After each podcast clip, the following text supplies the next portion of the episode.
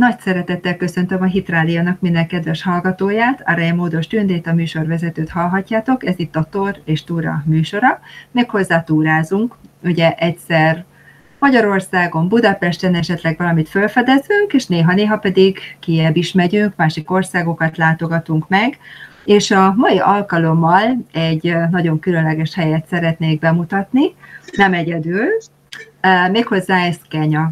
És akivel beszélgetek Kenyáról, az nem más, mint Varga Bálint, vagy Dr. Varga Bálint, aki nem csak hogy idegenvezető, de ő tanárként is tevékenykedett, szlavisztikából szerezte meg a doktorátusát, és 120 országban járt már, öt nyelven beszél, és 20 éve jár vissza Kenyába, úgyhogy el lehet mondani, hogy Bálint valóban Kenyának a szakértője, és nem olyan régen, februárban volt ismételten Kenyában, úgyhogy most jött haza február 28-án, nem olyan régen, és ezért úgy gondoltam, hogy akkor frissiben beszélgessünk el az országról. Úgyhogy szia Bálint, sok szeretettel köszöntelek. Szervusz Töndikem, és köszöntöm a hallgatókat is. Nagyon köszönöm azt a nagyon szép bemutatót. Na, Bálintkám, hát most voltál kint Kenyában, mik a tapasztalataid, hogy mennek a turisták, hogy mennyire láttad, hogy van valami mozgás, vagy, vagy, vagy, vagy hogy, hogy tapasztaltad? Hát ahhoz képest, aminek kellene lennie, hogy az elmúlt évekhez, évtizedhez hasonlítva, sajnos nagyon mély ponton van Kenyában is a turizmus, ugyanúgy, ahogy az egész világon. Úgyhogy nagyon kevés külföldi turistával találkoztunk, hiszen sok szálloda zárva is van. Ennek ellenére vannak néhányan, akik merészek, bátrak, és az Afrika szeretetből, meg Kenyának a szeretete miatt vissza-vissza járnak. Úgyhogy egy-két fehér emberrel találkoztam valóban, de közel sem annyi, mint az a régi időkben volt mondjuk néhány évvel ezelőtt. Igen.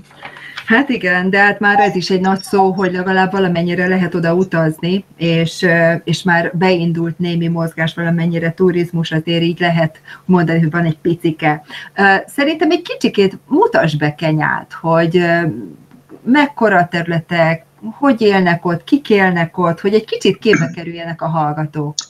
Igen, oké, okay, rendben van. Hát ugye Kenya Kelet-Afrikában található, Afrika szarvához egészen közel. Ezt az afrikai régiót úgy hívják, hogy ugye Kelet-Afrika, amihez hozzátartozik Etiópia, Szomália, Uganda, Kenya, és talán egy kicsit tágabb értelme még Tanzánia is. Most ezek között, az országok között Kenya mindenképpen előkelő helyet foglal el, hiszen mondhatjuk úgy, hogy afrikai viszonylatban jóléti ország, ahol már évtizedek óta nem halt éhen senki, az angol gyarmati múltat azonban még magukon viselik, sok-sok mindenben, a törvénykezés, a jogállamiság, és hát a nyelv természetesen. Úgyhogy Kenya egy gyönyörű ország, körülbelül ötször akkora alapterületét tekintve, mint Magyarország, és ezen az öt magyarországi területen 50 millió ember lakik. Elég nagy a népesség szaporodása, természetes szaporodás. Általában úgy tekintik, hogy évente egy-két milliót hozzá lehet adni minden évben a lakosság számhoz, és ilyen módon évek múlva is nagyjából tudjuk, hogy hány ember lakik Kenyában, ha ezt megjegyezzük, hogy 2021-ben nagyjából 50 millióan laknak Kenyában. Tehát egy fekete-afrikai ország, amelyen áthalad az egyenlítő, tipikusan feketék, afrikaiak által lakott ország, ahol két nagy törzsre oszható a feketéknek a száma. Az egyik ugye a Kongo medencéből bevándorolt bantu törzsek, és hát azoknak a leszármazottai, ezek egyébként Krisztus születése tájékán jöhettek állítólag a tudomány mai állása szerint a Kongo medence környékéről, és ezekből körülbelül 45-50 törzs jött létre kelet-afrikai fekete törzsek. A másik csoport, a másik társaság, azok niloták, az úgynevezett Nílus forrásvidékéről származó emberek, törzsek, azokból is van 5-6 törzs, ilyen módon kb. 50-53 törzs lakja Kenyát, ők alkotják a népességet. A legnagyobb népességszám azok a kikujuk, a kikujú törzs, akik bantuk és a magasföldön élnek. Ennyit talán a népességéről. A földrajzáról egészen röviden annyit, hogy hát ugye öt magyarországi területen nagyjából négyzet alakú az ország, amit úgy kell elképzelni, mint egy félrebillent magas asztalt, vagyis a indiai óceán felől fokozatosan emelkedik a térszín, ahogy haladunk északra, Kenya északi területei fölé, még nem elérünk a kelet-afrikai vagy kenyai magas földhöz, az pedig már egy 2500 méter magasan található terület, a kelet-afrikai fensík. Na most a másik érdekessége pedig az országnak, hogy nagyon fiatal geológiailag, mert nagyjából 60-70 millió évvel ezelőtt vulkánok működtek, akkor gyűrődtek fel, Kenyának a hegyei mai napig vannak működő vulkánjai is, alvó vulkánja is, hát persze a legszebb alvó vulkánja az Afrika legmagasabb pontja is egyben, és Kenya legszebb helye is, a, ugye a Kilimanjaro, de azon kívül ott van még a Kenya-hegy is. Na most ezek a vulkánok tulajdonképpen az országot kettészelő törésvonal árokrendszer mentén, vagy annak a peremén ücsör pörögnek, fantasztikus látványt nyújtanak. Maga a kelet-afrikai hasadékvölgy, az állokrendszer is egy gyönyörű geológiai vagy földrajzi képződmény, úgyhogy természeti földrajzilag is egy nagyon szép országról beszélünk. Hát ezt említed ezt a Kenya hegyet, és hát ez nem egy kis hegy, úgy tudom, hogy közel 5200 méter magasságú. Így van. Hát azért, azért az, hogy ez gondolom egész évben hóval fedett. Így van. A, a Kenya hegy az egy méter hiány 5200 méter, ugye ennek a legfelső csúcsa természetesen hóba borított, és hát a Kilimanjaro pedig 105 méter hiány egy 6000-es csúcs, vagyis 5895 méter, annak is a felső régióját, a sapkáját a gyakorlatilag hóborítja, bár az utóbbi években lehetett hallani olyan híreket, hogy a globális felmelegedés miatt eltűnik a hó a Kilimanjaro tetejéről, meg a Kenyahegynek a tetejéről is. Ez egyébként nagyjából igaz, mert hát hosszú éveket tekintve valóban néha eltűnik, de egy-egy időszakban azonban megmarad a hó. Tehát például ezen a télen nagyon szépen láttam a Kilimanjáron a hmm. sapkát, a hósapkát. Az hmm. északi gletszer az mindenképpen megmarad, de most ezen a télen nagyon látványos volt a Kenyának, Kenya, illetve a Kilimanjárónak a hósapkája. Uh-huh. És hát ez a Kenya-hegy, én úgy tudom, hogy ez adta a nevet tulajdonképpen magának az országnak is, és Igen. kikujú nyelven, amit említettél, hogy ugye Úgy az egyik fontos törzs, tehát a kikujú és kamba nyelvből származik, és hát két variációt is tudok, az egyik az, hogy Isten pihenőhelye, és a másik pedig, hogy a ragyogó, a ragyogó hely, ugye ez, ami a, a hóhoz kapcsolódik, hogy olyan szépen ragyog mindig a tetején, úgyhogy mind a kettőt én elfogadom, hogy a akár Isten pihenőhelye is lehet, hiszen azért ez egy szép hely nagyon, meg hát ez a ragyogás, az, az tényleg úgy van. És említetted, hogy ugye angol gyarmat volt, és ugye az angol nyelv az az egyik nyelv, de a másik hivatalos nyelv az a suaheli, és ugye említetted ezt a sok-sok népcsoportot, és hát ők mind különböző nyelveken beszélnek. Ők mennyire kommunikálnak egymással, illetve mennyire keverednek ezek a törzsek? Igen, ez egy nagyon érdekes dolog. Tehát ahogy mondtam, 53-54 féle törzs van, ennek megfelelően 53-54 féle nyelv. Minden törzsnek megvan a saját nyelve. Természetesen a bantuákhoz tartozó törzsek nyelve, az hasonlít egy kicsit egymáshoz, tehát vannak benne olyan elemek, amik felismerhetők egyes nyelvekben, de sajátosságaik azok, hogy ugye különbözőek végig is hangzását tekintve. Ugyanígy a másik csoport, a nilota nyelveket beszélő népek nyelveknél is vannak közös szavak, de ezek mind önálló nyelvek. Külön nyelv a turkánáknak a nyelve, külön a maszájoknak a nyelve, külön a szamburuknak nyelve. A másik oldalon pedig úgy szintén a, a bantuknál ugye az akamba törzs, vagy másképpen kambáknak a nyelve, vagy a kikujuk nyelve, a digók nyelve, és így tovább. Ezek mind-mind önálló nyelvek. Tehát tulajdonképpen ilyen értelemben Kenya a népek olvasztó tégeje is lehet, öt, több mint 50 féle népcsoport, 50 féle nyelven beszél.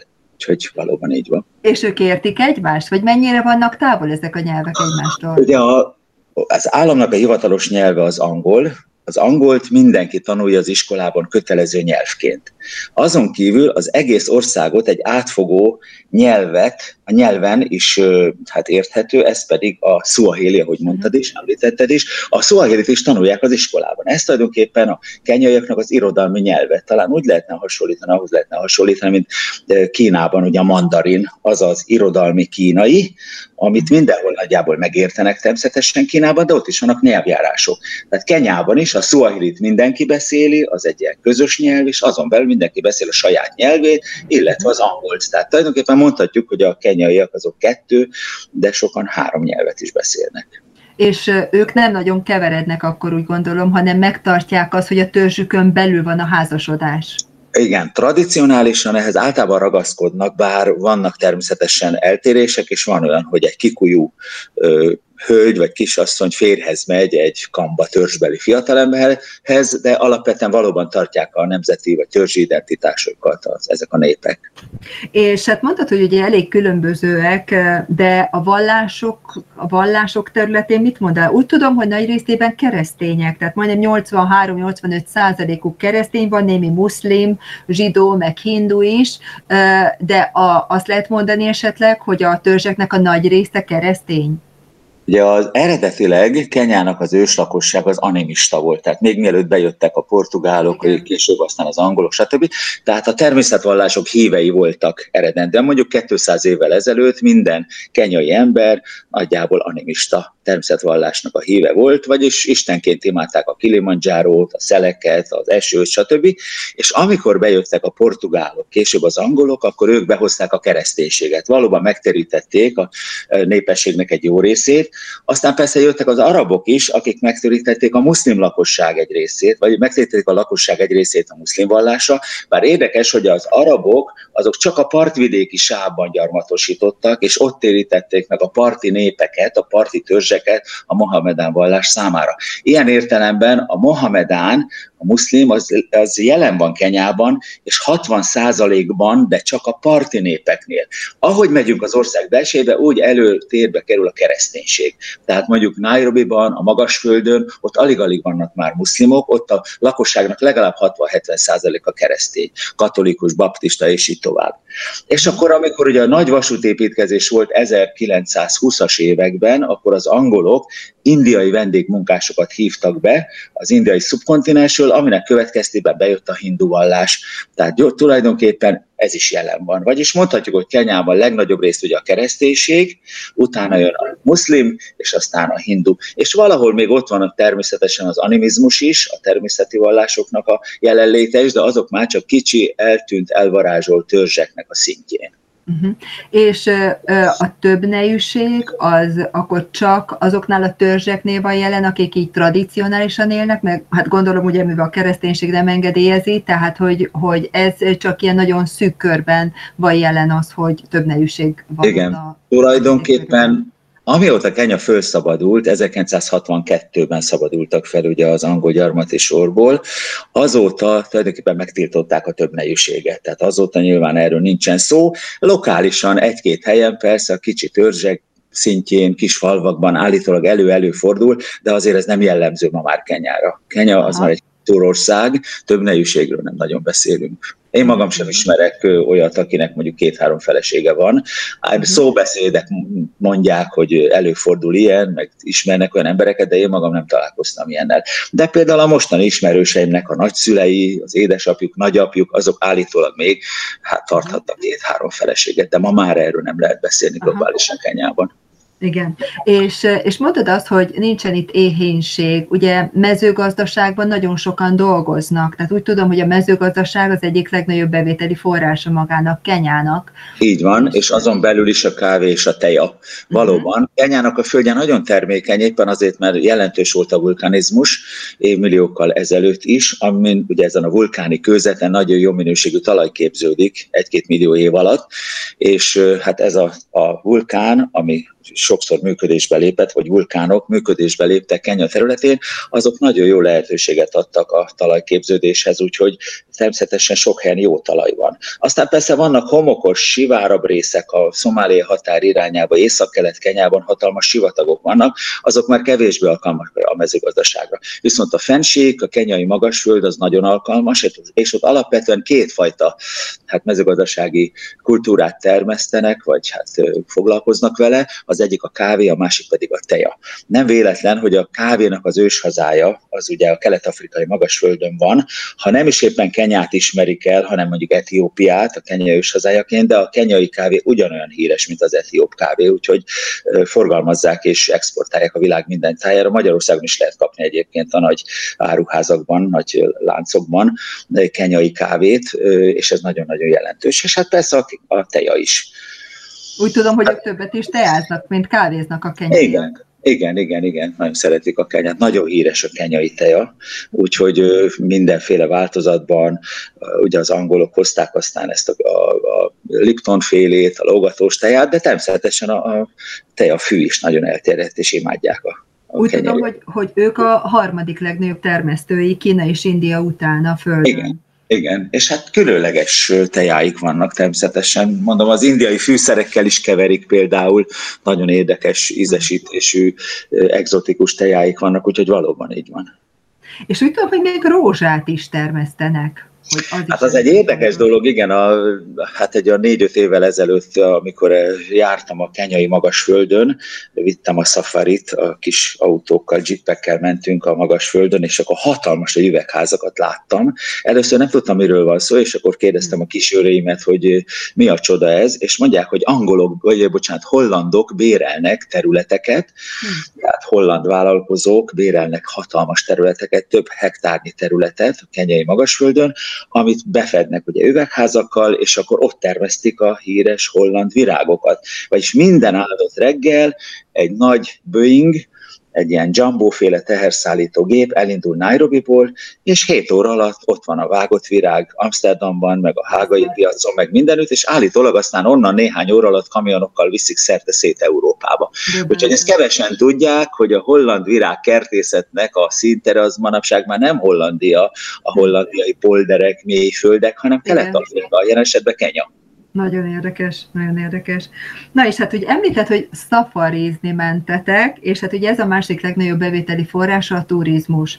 És úgy tudom, hogy 50 nemzeti parkkal rendelkezik Kenya, ami között ugye ott van a Serengeti, a Masai Mara, és ami miatt nagyon sokan oda mennek, hogy vannak ezek a vándorlások, ezek a nagy migrációk a, a gnúknak, a zebráknak. Úgy tudom, hogy valami másfél millió gnúnak a vándorlása történik meg így évente, hogy ez, ezekről egy kicsikét mondjál nekünk, ezekről a szafarikról, ezekről a nagy migrációkról, ezeknek a nagy állatvonulásoknak a, a, az egész menetéről. Igen, ez nagyon érdekes dolog, ez a világ egyik legszebb ilyen természeti jelensége talán, ugye nagyon-nagyon sokféle van, Mexikóban a lepkék, aztán Szibériában a különböző szarvasok, stb. mozognak egyik kontinens részről a másikra, na ehhez tartozik, vagy ebbe a sorba illeszkedik bele nagyon szépen ez a bizonyos kelet-afrikai állatmigráció, ami, ahogy említetted is, a tanzániai szerengeti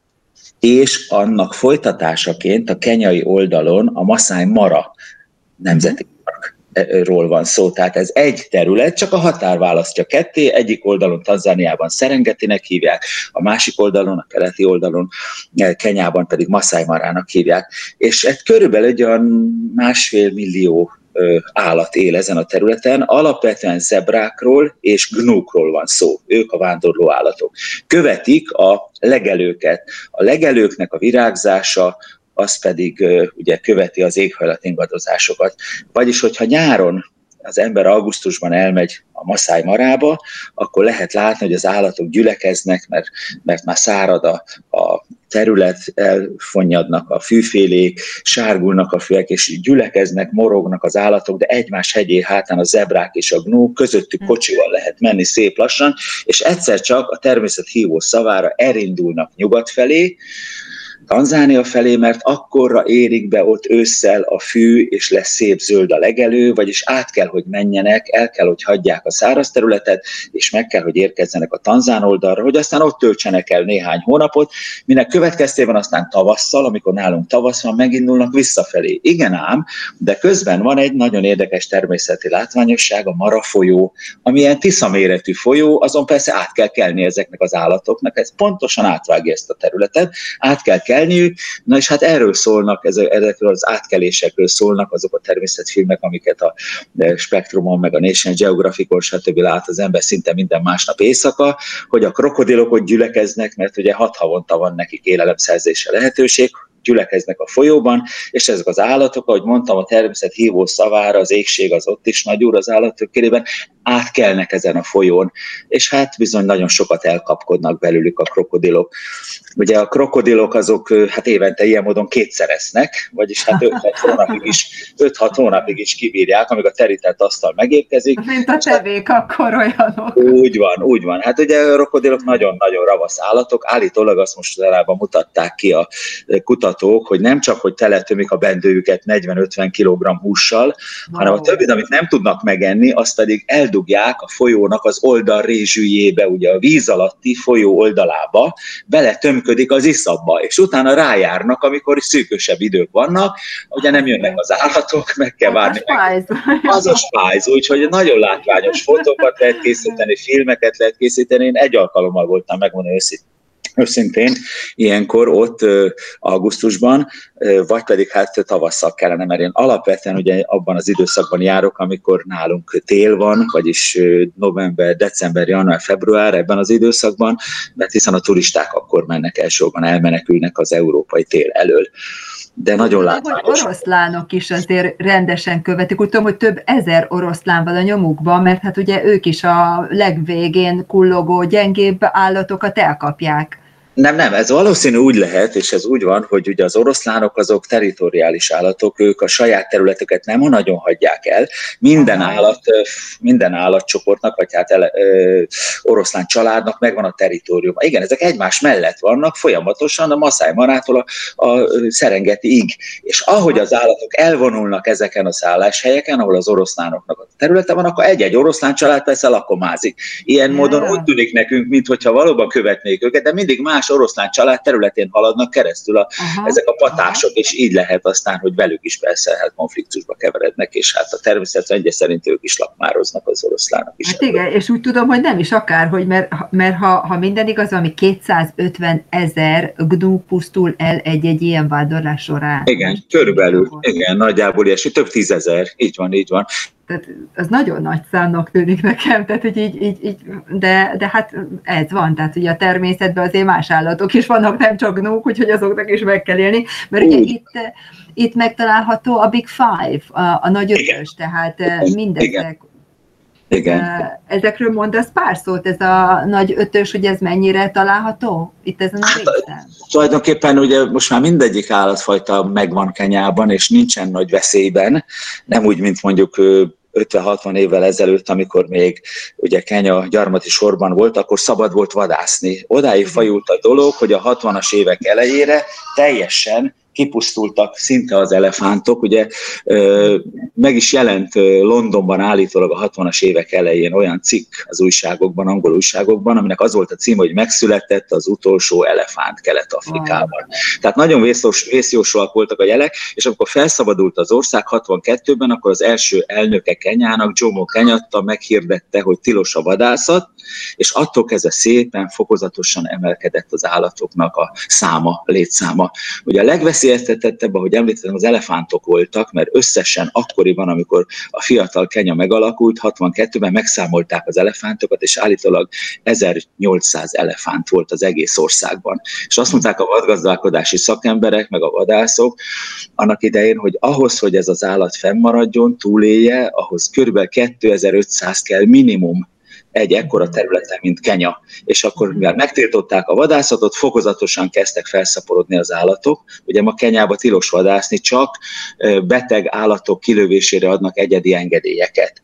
Afrikában egyébként se sok helyen lehet már vadászni, Dél-Afrikában lehet, Namíbiában, Zimbabében, Botswanában, azt hiszem ezekben az országokban. A többinél csak különleges engedéllyel beteg állatok kilövésére adnak engedélyeket. A szuma szumárom, ez olyannyira szépen fejlődött az állatállomány, hogy mára már állítólag 60-70 ezer elefánt van Kenyában, mhm. ahol az 1500-ból, aminek következtében már káros elemek is megjelennek, például olyasmi, hogy lelegelik a farmereknek a hát, ültetvényeit, kávéültetvényeket, ültetvényeket, tehát több kárt okoznak, mint ami haszon volna belőle, de ezt úgy próbálják a kenyai hatóságok állítólag kompenzálni, még mindig nem engedik meg a vadászatot, hanem kártalanítják a farmereket. Az állam fizet a farmereknek, ha letarolják az elefántok a kávéültetvényt, vagy a tejaültetvényt. Persze valószínűleg el fog jönni majd az mondjuk már százezer elefánt lesz, és akkor tényleg ki kell adni a lehetőséget a vadászoknak, hogy egy kicsit megritkítsák. Na szóval, a elefántok nagyon szépen felszaporodtak, ami most nagyon kritikus az ötösből, a Big Five-ból, az az orszarvú. Ennek ugye két fajtája van, a széles szájú vagy keskeny szájú orszarvú, de mind a kettő veszélyben van állítólag kb. ezer darab van, ezer példány van ebből az állatból, és hát ugyanúgy, ahogy az elefántok veszélyben vannak, és azok is akkor a veszélyben voltak, ha nem tesznek szigorú lépéseket, akkor bizony ki fog pusztulni ez az állat. Egyébként nagyon szigorúak ma Kenyában a vadvédelmi törvények. A számunkra, európai ember számára talán a leghátborzongatóbb, vagy legszigorúbb törvény az, hogy az orvadászt a helyszínen agyon kell lőni. Tehát nincs semmiféle tárgyalás, nincsen bírósági tárgyalás, hanem ha elkapják a vadőrök, akkor helyszínen agyon kell lőni. Nos, tehát az orszarvúakat ugye a tülke miatt vadásszák. A Kelet-Ázsiában, Kínában, Vietnámban, Kambodzsában, Fülöp-szigeteken van egy olyan tévhit, hogy az orszarvú tülkéből készített por, vagy őrölt por, az afrodiziákon, férfiasságot növelő, stb. És ezek a népek ott Kelet-Ázsiában hisznek benne, és minden pénzt megadnak azért, hogy egy-egy gramot megszerezzenek ebből a tülökből. Emiatt aztán folyik a szigorú vadász, és kemény vadászat az országoknak Kelet-Afrikában, Kenyában. Annál is inkább, mivel egy orszarvú tőlük az körülbelül 5-6 kilogrammos állítólag, és egy kilogramm ilyen por 5000 dollárba kerül. Tehát gondoljuk meg, hogy 20-30 ezer dollárt ér egy ilyen orszarvúnak a tülke, ami bizony, hát Kelet-Afrikában, meg még európai szinten is nagy pénz. Hogyne, hogyne. Uh-huh. Úgyhogy ezért kell sokat tenni Kenyában, hogy megmaradjon ez a különleges és gyönyörű állat. A többi az tulajdonképpen nem nagyon van veszélyben, tehát a macskafélék, oroszlánok, ez már biztonságban van. És te, Báli, mit gondolod, hogy Dél-Afrikából nem lehetne hozni orszarvúakat? Mert ott viszont elég sok van.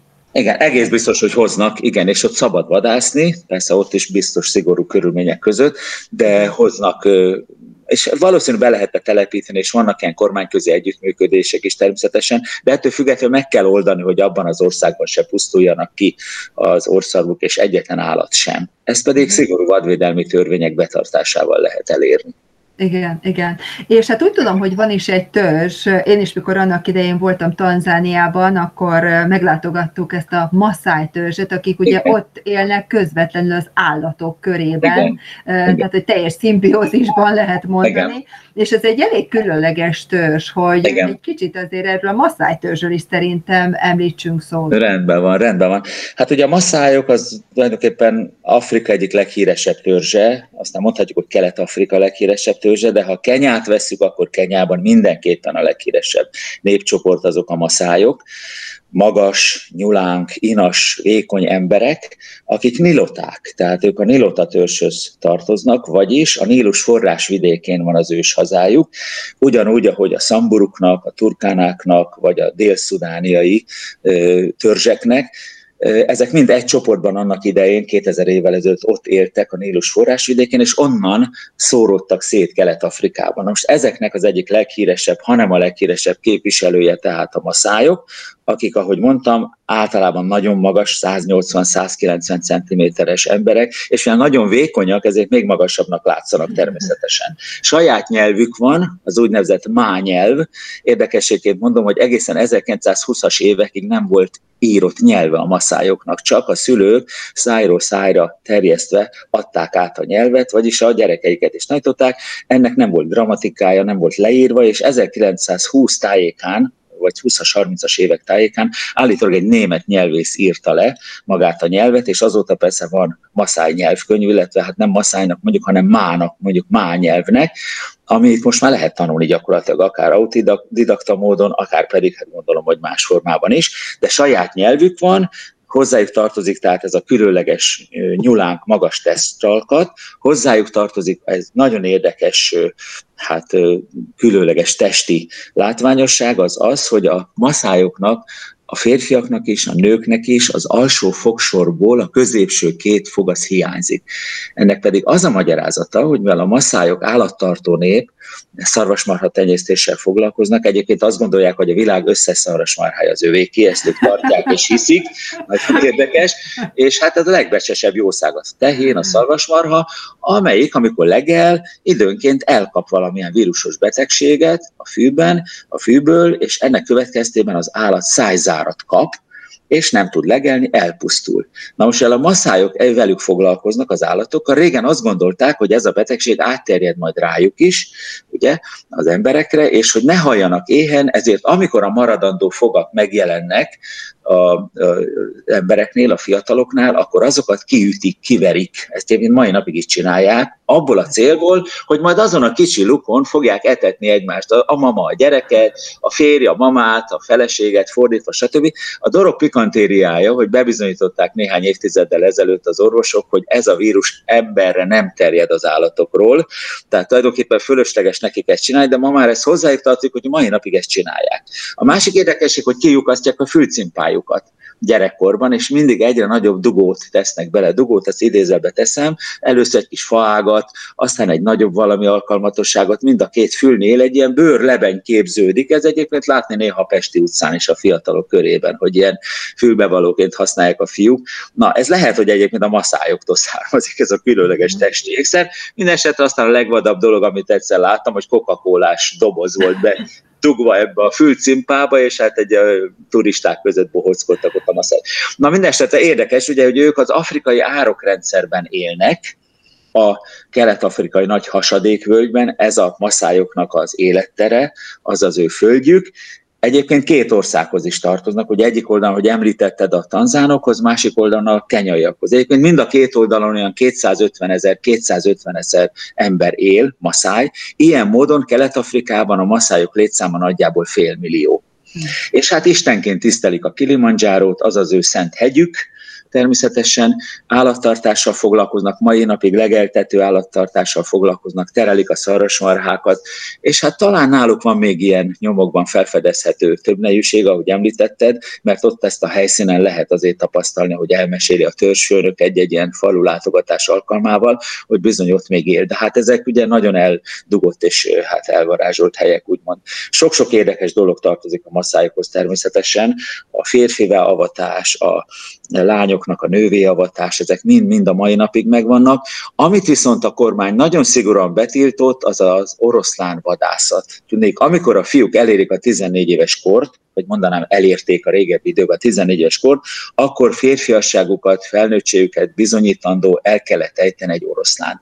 Egy dárdával a kézben, illetve egy ilyen macsetával, egy ilyen késsel, tőrrel a másik kézben. Na most ezt ma már betiltották, olyan mértékben megcsapant volna az oroszlánoknak a száma, hogy kipusztultak volna a maszájuk ténykedése következtében, úgyhogy erre nagyon vigyáznak a hatóságok. Magam is láttam olyat, hogy amikor egy-egy faluban próbálkoztak ilyennel, hogy a fiatalember mutassa férfiasságát, a férfiakhoz való hát, csatlakozását, akkor megpróbáltak megszervezni egy ilyen oroszlánvadászatot, és bizony megszállták őket a rendőrség, Nairobi-ból letartóztatások voltak, tehát ezt szigorítani próbálják a maszályok nagy bánatára természetesen.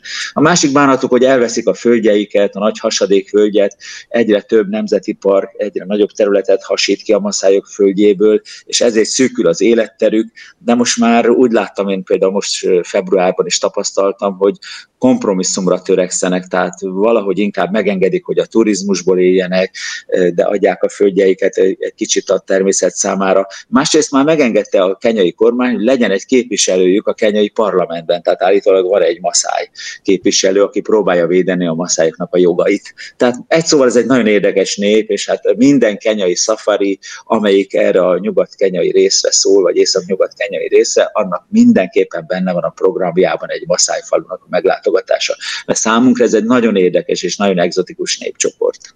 És még ezek az ugrálások? Mert ezek nagyon... Az a táncukhoz tartozik, a táncuknak egy része, ugye úgy hát alakult ez ki, hogy állítólag függőlegesen fölfelé kell ugrálni a maszáj fiúknak, és minél magasabbra. És amikor leérkeznek, akkor pedig valamilyen állati mozdulatot kell utánozni a nyakmozgással, a törzsmozgatásával, vagy egy hát elefántnak a mozgását, lomha mozgását, vagy a földre érkezve valamilyen strucnak a nyakának a mozgását, és így tovább. És ezeket állítólag úgy gyakorolják ezt a magasba való ugrálást, tehát függőlegesen fölfelé kell szökelni, úgy gyakorolják kicsikorban, hogy kihegyeznek ilyen 30-40 cm hosszú ö, fa rudakat, és hát amikor fölugrik a fiatalember, fölfelé ugrik, akkor látja ezt a kihegyezett farudat, hogy oda akarják tolni a lába alá, hogy minél magasabb ugrásra késztessék. Ezt magam is láttam ilyet. És ennek az a következménye, hogy mivel rugalmas, inas fiúk ezek, vékonyak, ezért tényleg magas, akár 80 cm, 80 cm-re, 1 méter magasra is föl tudnak ugrani, és közben ilyen fura zümmögő hangot adnak, ez a maszájoknak a, üdvözlő tánca is, amikor megérkezünk egy ilyen kis maszájfaluba. A lányok pedig egy szintén a nyakuk mozgásával, a nyakuk köré, tehát nyakéknek a lengedezésével, ilyen különleges, szintén állati mozdulatokat próbálnak szimbolizálni. Szóval egy nagyon érdekes kultúrája, táncai, meg hát zenéjük van a maszájoknak. Úgy tudom, hogy például a nőknek a feladata a kunyhóknak a készítése, ilyen kerek kunyhókban laknak, és a férfiak meg a kerítést készítik el, hogy ugye az állatok ne tudjanak rá, rájuk törni, mert hát ugye ott laknak a vadon. Így van, így van. A maszájoknak a falucskája az a manyatta, tehát egy pici kis kör alakú ö, falucska, egy nagy kör mentén, mondjuk egy ilyen 50-60 méter átmérőjű kör mentén rakják a kunyhókat, és valóban igaz, hogy mindig a feleségnek a feladata az, hogy elkészíti a kunyhót az pedig hát kör alakban ki ásnak kb. fél méter mély lyukakat, és ezekbe a lyukakba a feleség által elkészített farudakat helyezik, a farudak közé pedig veszőfonatot készítenek körbe-körbe, amit aztán a feleség szépen betapaszt kívülről, belülről, ma ezt Kelet-Magyarországon azt hiszem úgy hívják, hogy paticsolják, paticsházak, mm. vagy patics templomok is vannak például Kelet-Magyarországon, Csarodán, meg Tákoson, na hát nem ismeretlen ez a technika persze Magyarországon sem, vagy Európa más részén sem, de ezzel az agyagossággal tapicskolják, paticsolják, a kunyhóikat, és készíti el a feleség a házat. És hát valóban az egész falucskát körülvevő ahol ebben a faluban körülbelül 15-20 család lakik, ugye mindenhol sok a gyerek, tehát akár százan is laknak egy ilyen kis faluban.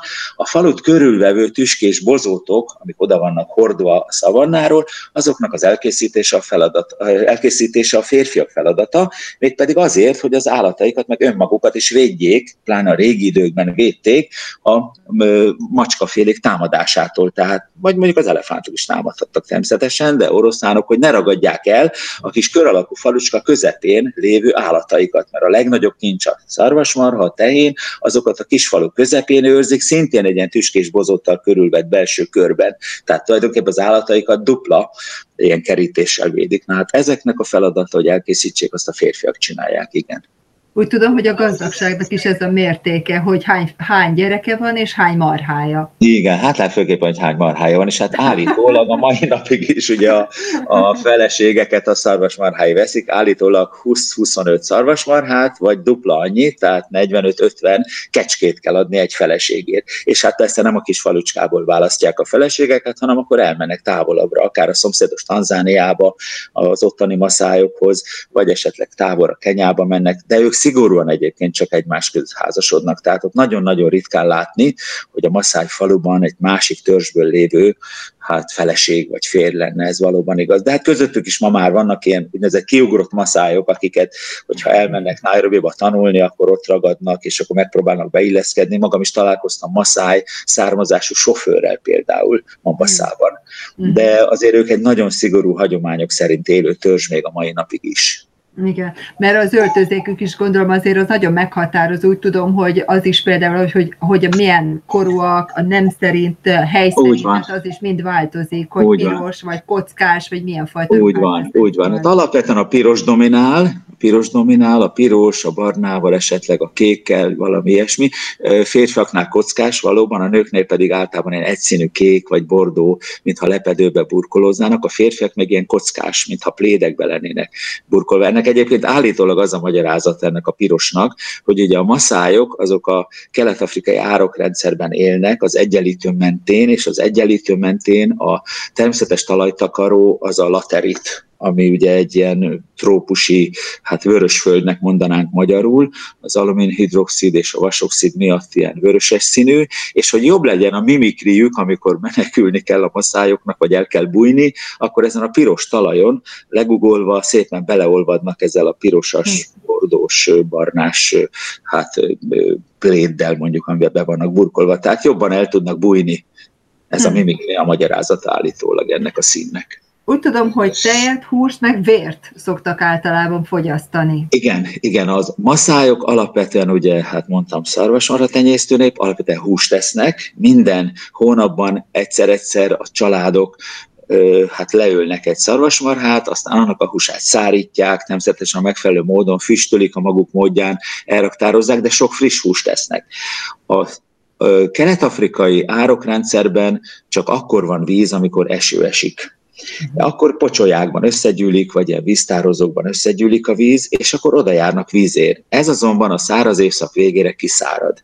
Most megint a régi időkről beszélek, mondjuk még 10-20 évvel ezelőtt is így volt, hogy kiszáradtak ezek a pocsolyák, és akkor bizony arra kényszerültek, hogy a szarvasmarhát odahúzzák a kunyhóhoz, egy pici kis nyilat közelről belelőttek az állat nyaki ütőerébe, oda tartották a lopótöknek nevezett, ugye ma úgy hívjuk Magyarországon kis lopótök, ott kalabasnak mondják, ezt a kis kalabast is felfognak két-három deciliter vért az állat nyakából. Aztán egy ilyen sárral, agyaggal betapasztják, elhagyják, jöhet a következő, azt is megcsapolják, és valóban ezt a vért itták abban a két-három hétben, ami a legkritikusabb volt a folyadékszerzés számára. Hát manapság ilyet talán már nem nagyon csinálnak, tudni, a kormány oda vezeti nekik a vizet, vízvezetékeket a Kilimanjárótól, vagy pedig Mombasa Nairobiból a sok vizet, vagy több vizet tartalmazó területekről, úgyhogy talán ma már nem készül, kényszerülnek erre, de valóban még 10-20 évvel ezelőtt én magam is láttam ilyet, hogy a szűkösebb, szárazabb évszakban bizony megcsapolták az állatok nyaki ütőerét, és akkor itták a vért.